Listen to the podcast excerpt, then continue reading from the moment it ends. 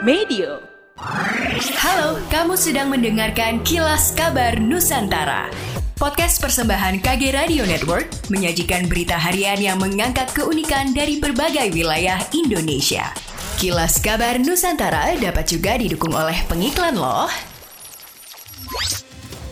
BPS Sulawesi Utara dalam rilis terbarunya menyatakan pada bulan Juni 2023 kota Manado mengalami inflasi sebesar 0,11 persen dengan inflasi tahun kalender sebesar 1,05 persen dan inflasi year on year sebesar 2,68 persen. Asim Saputra, Kepala BPS Sulawesi Utara menjelaskan, inflasi di Manado pada beberapa saat yang lalu didorong oleh kenaikan harga tiket pesawat, sementara harga bahan pokok pokok jelas Asim Saputra masih terkendali. Cara detail dalam rilis tersebut dijelaskan jika penyumbang inflasi terbesar secara year on year pada bulan Juni 2023 yaitu bensin sebesar 0,95 persen dan komoditi penyumbang deflasi terbesar yaitu cabai rawit sebesar 0,54 persen. Sementara penyumbang inflasi terbesar secara mancuman pada bulan Juni 2023 yaitu angkutan udara sebesar 0,36 persen, sedang sedangkan penyumbang deflasi terbesar adalah bawang merah sebesar 0,10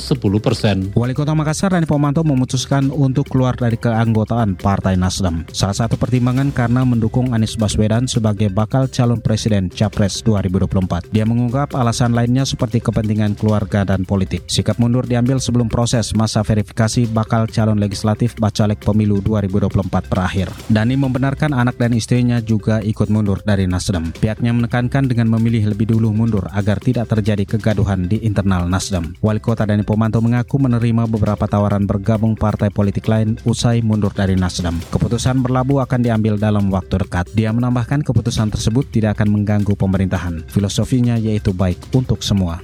Wali Kota Balikpapan Rahmat Masud meminta agar restoran besar atau pengusaha menengah atas tidak menggunakan gas LPG ukuran 3 kg yang disubsidi pemerintah. Karena berdasarkan aturan Kepmen ESDM, penggunaan gas LPG 3 kg diperuntukkan bagi rumah tangga, usaha mikro, petani sasaran, dan nelayan sasaran. Selebihnya diharuskan menggunakan gas non-subsidi. Diakui Wali Kota sudah sejak lama pihaknya mengultimatum kepada para pengusaha restoran besar maupun warga yang mampu agar tidak menggunakan gas LPG 3 kg dan beralih ke LPG 5,5 kg maupun 12 kg sesuai aturan yang berlaku. Juga kepada agen atau pengecer agar tetap menstabilkan harga di pasaran demi meratanya pendistribusian gas LPG 3 kg kepada warga kota. Wali kota menegaskan pihaknya akan tetap mengawasi di lapangan dan berkonsultasi ke Pertamina agar stok gas LPG tetap stabil serta tidak terjadi kelangkaan yang berkepanjangan di Balikpapan.